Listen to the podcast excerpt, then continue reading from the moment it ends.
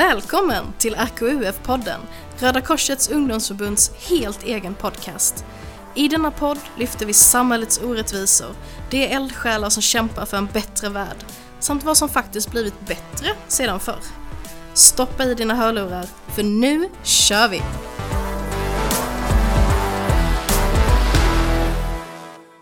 Hej och varmt välkomna till RKUF-podden där vi i nuvarande och kommande avsnitt kommer diskutera samhällsfrågor och driva samhällsdebatt.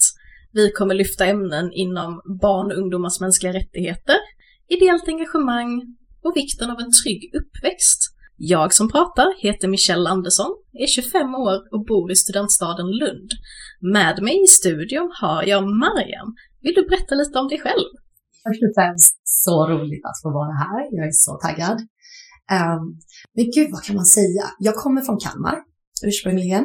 Uh, men sen flyttade jag till Lund för, vad blir det, 2014 och började plugga. Och då tog jag först en examen i mänskliga rättigheter uh, och sen tog jag även en statsvetenskap och sen avrundade jag och tog min master i management. Men under den här tiden så kände jag att jag saknade någonting att göra parallellt. Jag ville engagera mig Eh, och då bara kikade jag runt på vad finns det för möjligheter, vad finns det för organisationer som anknyter till eh, det jag gör. Eh, och då hittade jag RKUF, eller RKUF hittade mig, jag kanske kan berätta lite mer om det sen. Men eh, så jag skulle vilja ja, men beskriva mig själv som en person som bara vill engagera mig och göra roliga saker. Eh, och ja, i grund och botten en hästtjej. Mina, mina föräldrar har en hästgård. Vad mer kan man säga? Det är alltid den svåraste frågan. Berätta om dig själv. Men det är väl lite smått om mig liksom. Mm. Ja men underbart. Jag är också en hästtjej, kan jag ju då erkänna. Eh, du säger ju att RKUF fann dig. Eh, vi kan ju nämna att RKUF står för Röda Korsets ungdomsförbund, eh, eftersom du troligtvis inte har koll på det, du som lyssnar. Eh, efter den här ja. podden kommer du ha stenkoll på vad RKUF står för och vad vi gör. Um, men jag blir ju väldigt nyfiken på när du säger att den fann dig. Jag hade min praktik på en annan organisation som jobbar för mänskliga rättigheter. Och eh, där var jag vikarierande verksamhetsutvecklare. Och så höll vi ett event ihop. Eh, så RKUF var en av medarrangörerna. Och sen så blir det ju lätt att ja, men de som är engagerade ser andra engagerade och man pratar och man berättar om vad man tycker är roligt och så. Eh, och de bara, vi söker nya styrelsemedlemmar skulle du kunna tänka dig att vara vice ordförande? Jag bara, va? Jag har inte ens varit aktiv inom eh, Rädda Korsets ungdomsförbund. Eh, men jag bara, alltså varför inte? Så jag fick hoppa med, se hur de hade sina styrelsemöten eh, och vara med på en verksamhet. Eh, en av våra verksamheter som heter Frukostklubben. Vilket är ett sätt för oss att komma ut på en skola, servera frukost och umgås med ungdomar. Eh, och jag bara märkte väl direkt att det här är ju perfekt. Jag älskar det här. Det här är för det första en väletablerad organisation som har legitimitet, vilket innebär att man kan nå ut till fler människor. Eh, och sen var jag ju såld eh, och har varit kvar i RKUF i flera år nu. Så så var det. Ah, jättespännande historia. Vad, vad innebär det att vara engagerad i ett ungdomsförbund? Mm. För mig handlar det ju jättemycket om att föra rösten för de unga. Så att man både jobbar för och med unga människor. Eh, och då är det väldigt viktigt att man alltid är aktiv i lyssnandet. Att man pratar med människor, att man för en dialog, att man känner av vad det är människor vill att vi fokuserar på. Eh, först och främst så är vi en medlemsorganisation, vilket innebär att det är medlemmarnas röst som spelar roll. Det är de som röstar fram oss i styrelsen. Det är de som sedan kan lyfta vilka frågor de vill att vi aktivt ska jobba med. Ehm, så för mig är det jätteviktigt att både jobba med ungdomar men också för ungdomar. Ehm, och att det inte är vi i styrelsen som sätter agendan utan att vi ständigt för en dialog och tar tempen på vad är det vi faktiskt bör lyfta. Så det skulle jag nog säga är det absolut viktigaste, att vara en, en brygga mellan ungdomar och resterande samhälle och att föra den opinionsbildningen som de vill att vi ska jobba för. Liksom. Och hur, hur kommer ett sådant förslag fram till er? Först och främst skulle jag nog säga att det starkaste eller bästa forumet är under vårt föreningsårsmöte. Det brukar vi ha någon gång i februari. Och det är då vi väljer in styrelsen, vi väljer in vår valberedning eh, och det är en möjlighet för medlemmarna att få göra sin röst hörd. Eh, och då skickar vi ut en kallelse så de får möjligheten att kunna vara med. Och för oss är det ju väldigt viktigt. Det här är ju ja, men på ett ja, men demokratifrämjande på det sättet. Eh, och vi vill vara en inkluderande förening. Vi vill vara en inkluderande organisation. Men utöver det så är det ju väldigt viktigt att vi faktiskt åker ut, att vi åker ut till ställen i samhället. Att vi är synliga, att vi för dialoger med gymnasieskolor.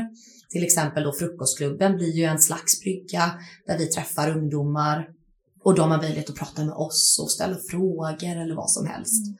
Ehm, så synlighet och tillgänglighet, att vi ska göra det enkelt för medlemmarna. Det ska inte vara att de måste komma till oss, utan vi måste komma till dem. Och jag tror att vi kan bli mycket bättre på det. Det är ett ständigt arbete att eh, vara överallt och synas. Um, men det jag tycker RKUF gör väldigt bra är att vi befinner oss i väldigt många olika städer. Vi försöker finnas överallt i Sverige för att det ska vara enkelt och vara så tillgängligt som möjligt. Så det är, det är främst så vi arbetar. Ja, det är väldigt intressant det du nämner med just gymnasieskolor. För det, jag vet att jag själv stötte på ideella organisationer första gången i just gymnasiet. Man såg planscher som hängde i korridorerna, eh, man hade folk som kom och föreläste för en. Eh, jag tror att många, många av oss stötte på ideella organisationer, framförallt i skolan, eh, vilket är jättebra. Ja, nej verkligen. Jag jobbar ju då, alltså utöver då RKUF så jobbar jag även på Amnesty. Och ja, RKUF och Amnesty försöker också föra liksom en dialog. Men mitt jobb är i alla fall att träffa ungdomar på skolor Eh, och de säger att det är så otroligt värdefullt när ideella organisationer kommer ut.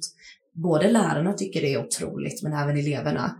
Eh, och att vi kan både kanske så ett frö så att de liksom vet att vi finns, att de här organisationerna finns.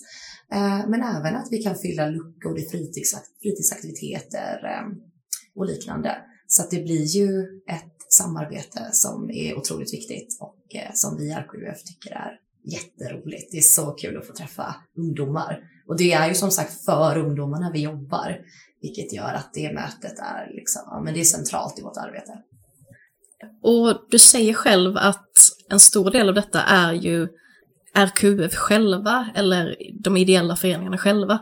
Hur viktigt är det med just ideellt engagemang i de här frågorna och i de här ja, föreningarna? Vi eh, har ju anställda som jobbar inom RKUF, men det är ju en minoritet. Eh, nästan allt arbete som förs framåt är ju av ideellt engagemang, vilket gör att stommen i hela organisationen är ju att människor vill engagera sig, att människor brinner för det här och vill göra en skillnad. Och utan våra frivilliga så är vi ingenting. Um, och vi är ju sju stycken som sitter i min styrelse då i Lund. Ehm, men utöver oss så drivs ju arbetet av verksamhetsledare som driver verksamheterna framåt, av de frivilliga som lägger sin tid och energi på att vara med i verksamheterna, men även av de som besöker våra verksamheter, som väljer att dyka upp och som är intresserade av det arbetet vi, vi driver. Ehm, så utan dem är vi absolut ingenting. Så inte nog med att det är liksom stommen, men det är även inspirationen och jag menar, därför vi gör det här. Eh, och jag tror, skulle man addera till exempel löner eller det incitamentet så tror jag det försvinner lite av det här fantastiska som är just ideellt engagemang, att man brinner för någonting och att man gör det på sin fritid. Det blir någonting extra helt enkelt. Eh, så jag tycker det är helt fantastiskt att vi är en, en frivillig organisation på det sättet. Mm. Ja, det håller jag verkligen med om. Det är det som du säger, det är motivatorn bakom Eh, är helt underbar. Och det leder mig faktiskt in på min eh, fråga till dig, min nästa fråga. Jag vet ju om att du har skrivit en mastersuppsats inom just ideellt engagemang, eh, där du har jämfört Brasilien med Sverige på hur icke vinstdrivande organisationer och vinstdrivande organisationer motiverar sina anställda. Kan du berätta lite mer om det? Ja, det här ämnet kan jag ju prata om i timmar, så jag ska försöka att inte göra det. Jag ska försöka hålla mig lite kortfattad. Men övergripande så handlar det om motivation, engagemang i frivilliga organisationer eh, främst. Och vi pratar väldigt mycket om motivation. Vad är det som driver människor att fortsätta engagera sig? Och vad kan vi göra för att helt enkelt ja, skörda det här engagemanget och se till att det används på rätt sätt och att man först och främst också ett hållbart engagemang, att man orkar. Eh, och det var verkligen som du sa, vi kikade på Brasilien och Brasilien ser ju lite annorlunda ut än Sverige. De har inte till exempel det stödet av svenska staten. Här i Sverige så har vi till exempel, ja, men man, kan få, man kan söka bidrag, man kan genom fonder få en viss typ av finansiering som kan hjälpa en framåt. Och det har ju inte Brasilien på samma sätt, utan det är ju mycket privata donationer eller att det kanske är eldsjälar som verkligen kämpar sig framåt. Eh, och det vi kom fram till är att det finns två olika slags faktorer. Det är yttre faktorer och så är det inre faktorer. Och inre faktorer handlar ju om att man brinner för själva uppgiften i sig. Man älskar att utföra de här uppgifterna. Medan yttre faktorer kan vara till exempel att man kanske får en lön eh, eller att man kanske, det blir bättre på CV eller liknande. Och vi kom ju fram till att det är ju både inre och yttre faktorer eh, som ideella verkligen drivs av. Men mycket då inre faktorer. Att man brinner för uppgiften, man brinner för organisationens mål och syfte. Och då gäller det ju verkligen att försöka se vad de här specifika personerna gillar att göra. Vad är, det de, vad är det som gör att de dyker upp på våra verksamheter? Och verkligen se till att göra det så bra som möjligt och möjliggöra att de kan göra exakt det de vill göra. Um, och det vi kom fram till var att det finns tre olika grejer som verkligen driver människor i um, ideella verksamheter. Och det är då att man känner en viss typ av autonomi, att man kan känna att de här personerna litar på att jag kan göra det här jobbet. Jag har möjlighet att utveckla den här verksamheten på något sätt. Sen också att man känner en typ av samhörighet. Jag känner att jag delar det här med andra människor i organisationen. Och slutligen så handlar det om kompetens och utbildning. Att man måste hela tiden känna att man utvecklas, man har möjlighet att utbilda sig. Så det var främst de grejerna. Och då försöker vi ju även applicera det i vårt tänk och i, ja, men i vår förening helt enkelt. Så det är väldigt spännande. Väldigt spännande. Jag tänker, skilde det sig någonting, för du poängterar en väldigt viktig faktor, det är just det här med det statliga stödet vi har i Sverige. Eh, vi har Sida, vi har massvis av fonder man kan söka. Skulle du säga att det är en avgörande faktor för Sveriges ideella engagemang? Mm. Vi kom fram till att om man ser till finansiering så kan ju det möjliggöra för verksamheter. Det vill säga att den inre motivationen kan bli starkare för då finns det redan ett starkt fundament man kan luta sig mot. Så det behöver inte kännas som att man hela tiden jobbar i motvind, vilket kanske vissa förklarar det som i Brasilien, att det är en, en ständig kamp. Eh, men också att det är ett hållbart engagemang, vilket innebär att den här lågan, den här starka passionen, den kan brinna längre, för man orkar fortsätta motivera sig. Vilket innebär att ett bortfall, det finns alltid ett naturligt bortfall brukar vi kalla det. Det kan vara att människor flyttar från städer och kan inte engagera sig i den staden och sådär. Men sen finns det ju även bortfall som kan ha specifika förklaringar. Och just de specifika förklaringarna, till exempel som att jag orkar inte längre, jag känner mig utbränd eller så, det kan minska om man har det här statliga stödet till exempel. Vilket gör att det här hållbara engagemanget fortsätter och det är inte ett lika stort bortfall för att människor känner att de har möjlighet att engagera sig också. Så det var nog den största skillnaden att i Brasilien var det verkligen eldsjälar. Men det innebär ju också att de måste verkligen lägga sin tid och energi på det. Och här kan det finnas både folk som är eldsjälar men också kanske någon som dyker upp lite på någon verksamhet då och då. För att de känner att men ibland har jag tid och då finns det den möjligheten också, vilket är toppen. Mm, ja men verkligen, verkligen. Eh, jag tänker det ligger ju också någonting i, precis som du säger, att om en individ behöver lägga 100% av sin vakna tid för att verksamheten ska gå runt, då är det ju inte hållbart under en längre tid. Mm. Eh, tyvärr, hur mycket man än brinner för ämnet och frågan i sig. Verkligen. Vi försöker hela tiden jobba på att det ska vara ett hållbart engagemang. Och jag tror att det lätt blir så att man, eh, till exempel Lund är ju en studentstad, så det är många studenter som engagerar sig och de pluggar och sen kanske man är eh, aktiv i någon studentorganisation. Sen kanske man även då vill vara aktiv i RKUF och så kanske man har ett deltidsjobb. Det blir mycket samtidigt och det är ju väldigt viktigt att man tar hand om sig själv och att man orkar. Ehm, så vi jobbar ständigt med det, men jag tror att det är någonting vi behöver prata om ännu mer. Ehm, just det här kopplingen mellan ideellt engagemang och ett hållbart engagemang, att det måste kunna vara båda samtidigt. Eh, och även vi i styrelsen försöker ta hand om varandra och avlasta varandra. Och ibland vill man ta på sig allt för allt är kul. Det är ju det som är problemet. Allt är så roligt. Men vi kan inte ta och säga ja till allt. Så vi försöker vara duktiga på att eh, ja, sätta gränser och säga nej också. Och att det är viktigt att man säger att ja, jag orkar inte just nu. Så vi försöker skapa den kulturen i styrelsen och så hoppas vi också att den kan även synas och genomsyras i hela organisationen och att vi kan bolla med alla engagerade att vi kör. Det är det här tänket som är viktigt helt enkelt. Var det någonting som förvånade dig i uppsatsen? Mm, bra fråga. Jag utgick nog från att det skulle vara mycket inre motivation. Men det visade sig att det oftast var en ganska tydlig kombination av yttre faktorer och en inre motivation. Och jag tror jag kanske hade lite den här tanken att det är de här eldsjälarna som bara fokuserar på den enda uppgiften. Men jag tror det är bra att det finns personer som inte kanske hoppar på en uppgift och så blir det det enda fokuset utan att man kan ta ett steg tillbaka och inse att det finns andra saker som också är viktigt. Um, så det kanske var någon, en liten sån, ah, oj, jag kanske hade, för ibland kommer man ju in i uppsatser, projekt med, eller det gör man väl alltid skulle jag nog säga, att man har en viss syn på det hela. Och att eh, jag tror det är bra att man förvånas över det man får fram helt enkelt. Och jag menar, jag brukar alltid nämna det för ungdomarna jag jobbar med. Det är helt okej okay att du brinner för det här arbetet samtidigt som du vet att det här gynnar dig kanske på ditt CV eller någonting. Det är inte själviskt att också tänka att det kan gynna dig.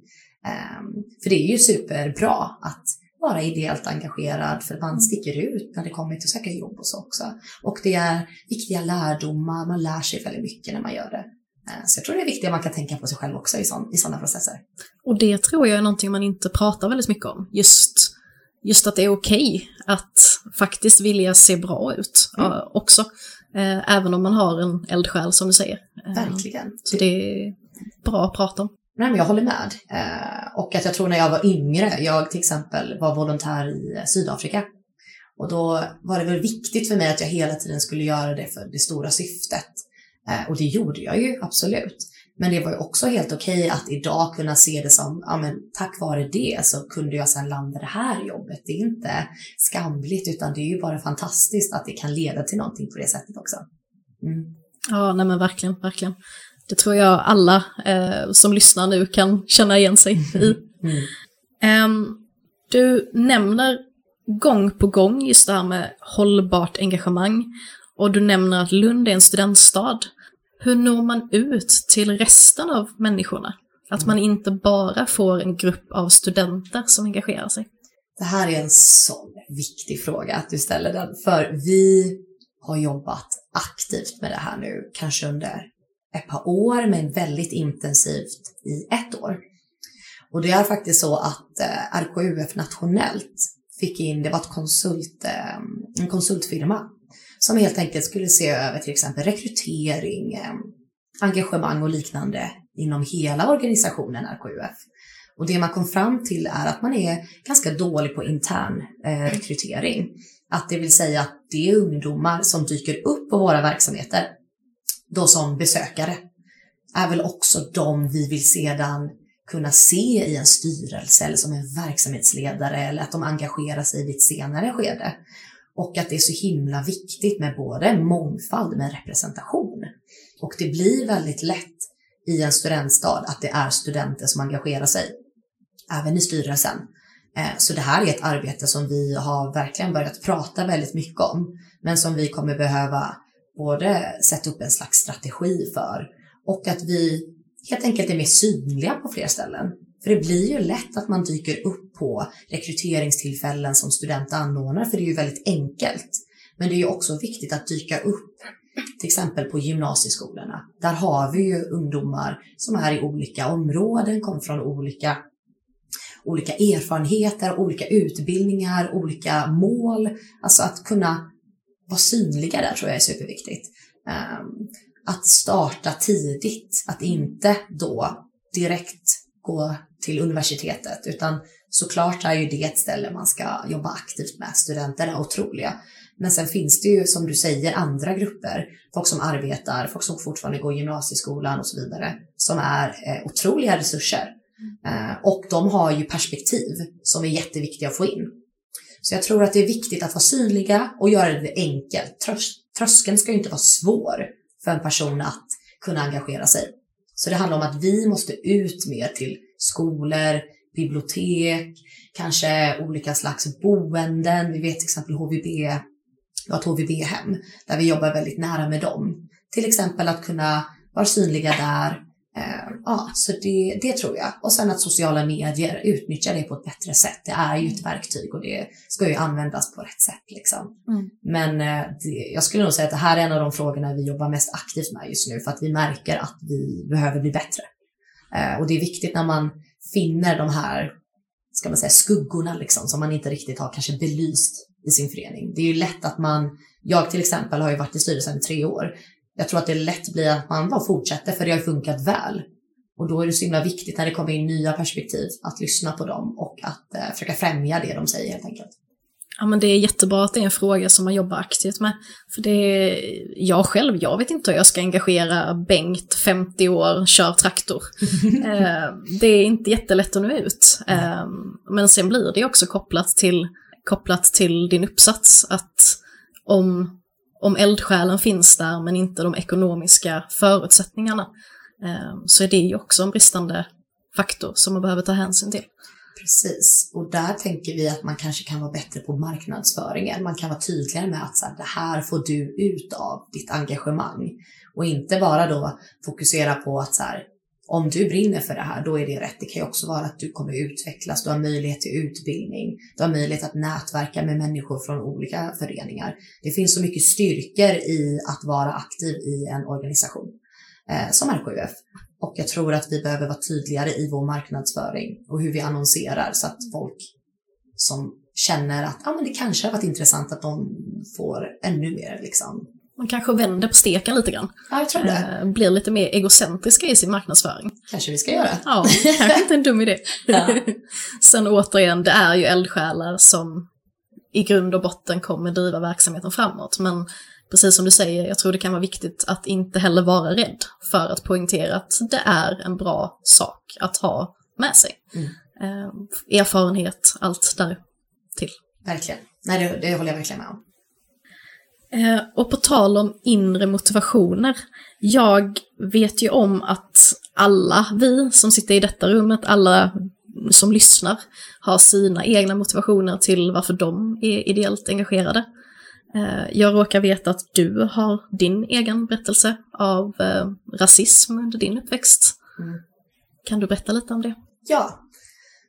Um, så min pappa kommer från Iran Eh, och han eh, flydde hit eh, under 80-talet. Ehm, och när man var liten så visste man ju, för jag kommer ju då från Kalmar, kanske kan vara så, och jag gick i en skola där de flesta var ja, svenskfödda, hade föräldrar från Sverige. Um, och jag och min syster blev lite de som inte riktigt var normen.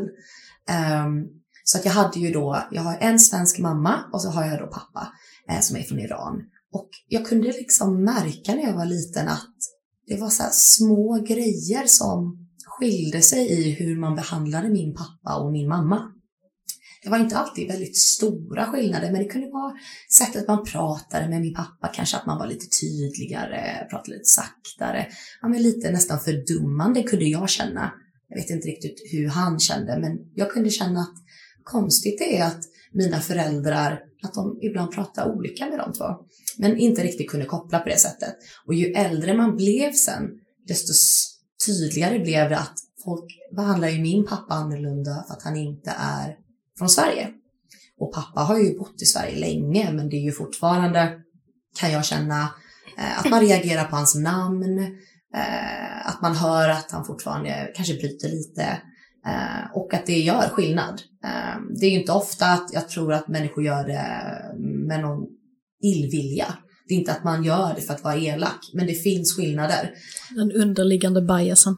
Precis. Och det fick jag ju själv sen möta när jag började bli äldre och eh, jag ville söka bostad. Och ingen svarade när jag sökte med mitt namn. Jag har även ett utländskt efternamn. Och när folk väl svarade så kunde de ställa väldigt eh, rasistiska frågor. Det var ganska jobbigt att få de frågorna. Eh, och även när jag skulle söka jobb, eh, många tillfällen och jag har även fått blivit kallad saker och ja, det var ju helt enkelt, det blev personligt, det blev väldigt nära. Vilket innebär att jag alltid har brunnit för just frågan om diskriminering. Och det är även det jag föreläser om i mitt arbete. Jag jobbar med att föreläsa om diskriminering.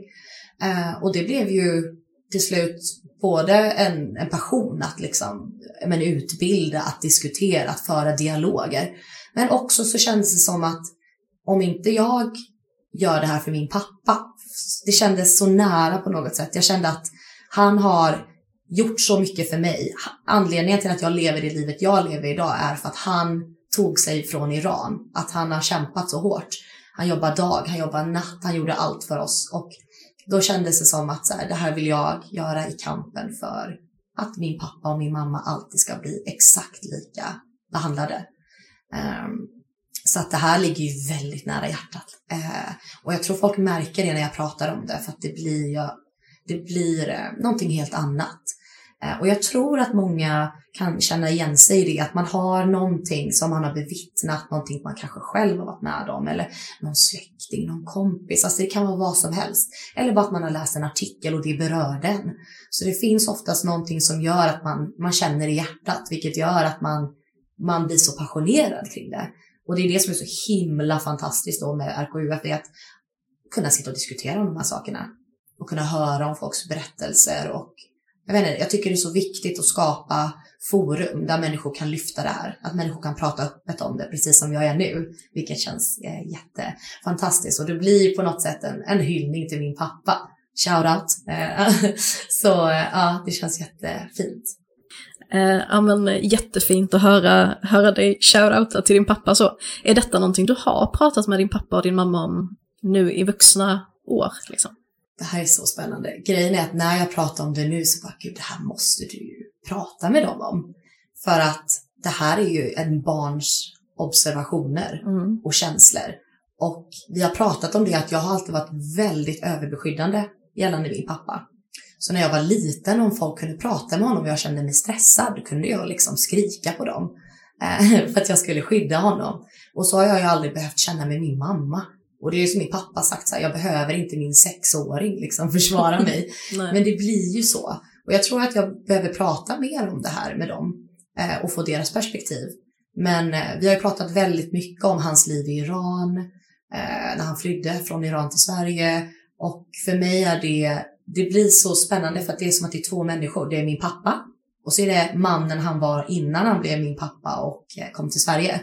Och båda de två är ju förebilder, men han är, han har så mycket erfarenheter och historier som är så fantastiska och jag måste bli bättre på att fråga honom om det här och lyfta det här så att hans historia kan leva vidare genom mig. Så jag skulle väl säga det som ett tips till alla, liksom, att så här, ställ fler frågor. Eh, det är väl någonting jag har varit väldigt dålig på tror jag. Mm. Ja. ja, men samma här. Jag har en gammelmormor och gammelmorfar som fantastiskt nog är vid liv och pigga och goa och glada. Liksom.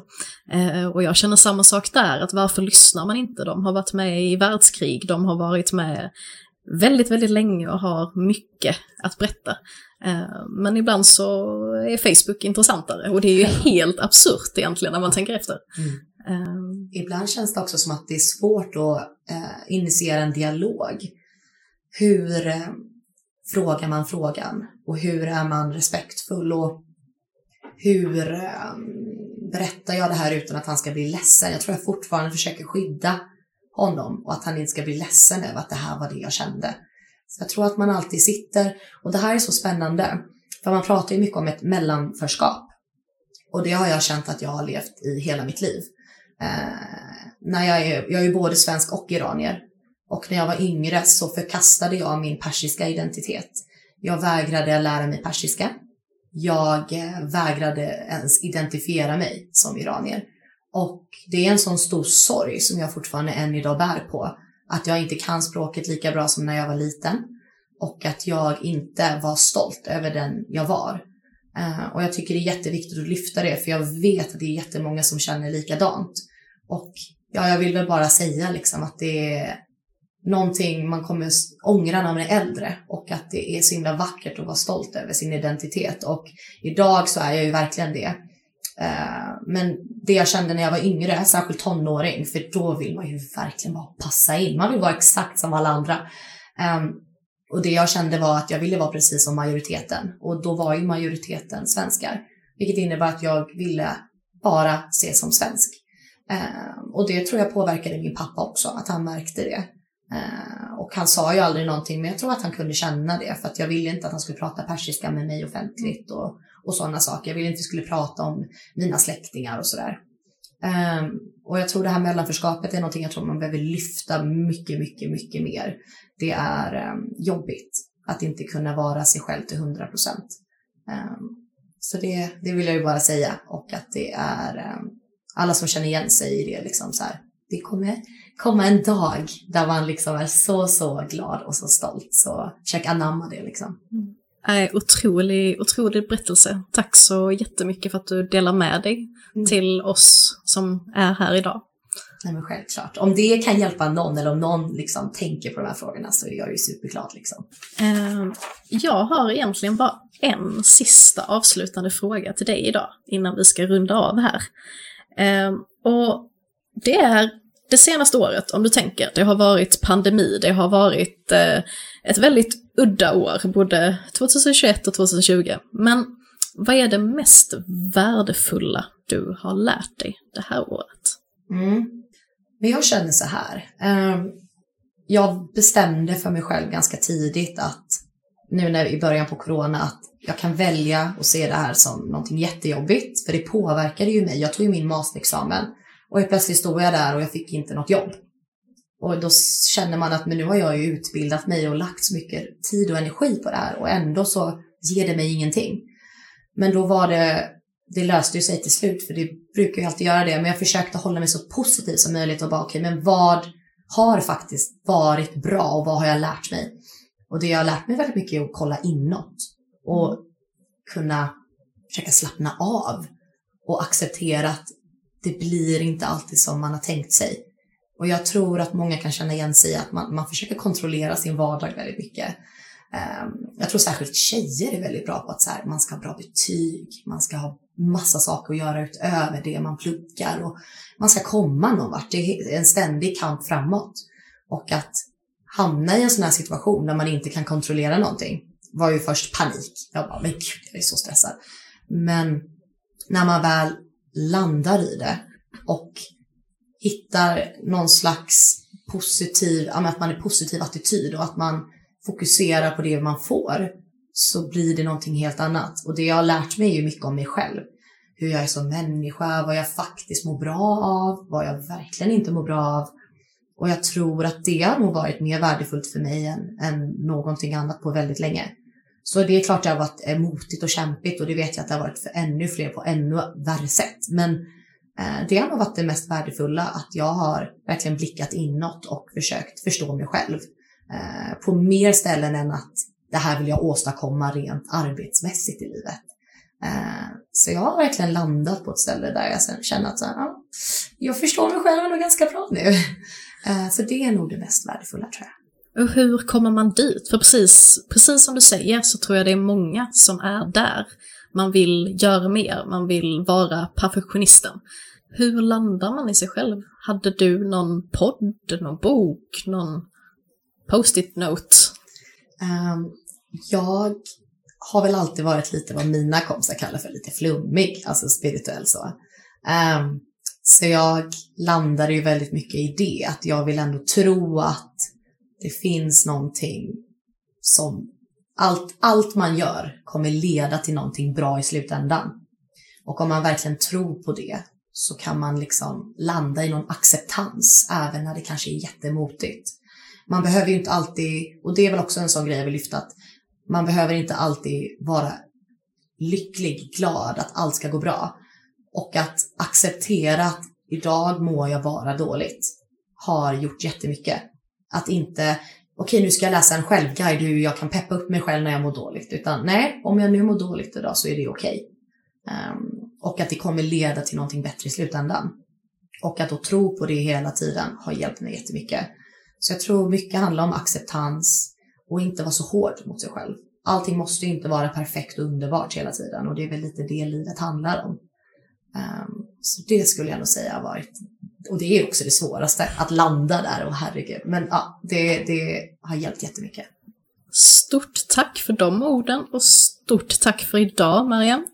Du har lyssnat på RKUF-podden med Michelle Andersson och Mariam Mobini.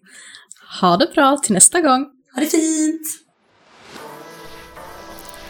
Tack för att du lyssnade. Glöm inte att trycka på följ eller prenumerera-knappen i den poddtjänst du lyssnar på för att inte missa när vi släpper nytt avsnitt. Vill du nå oss så går det alltid att mejla podd.rqf redcross.se Kanske har du tips på avsnitt du gärna hade velat höra eller andra inspel. Tills nästa gång, ha det bra!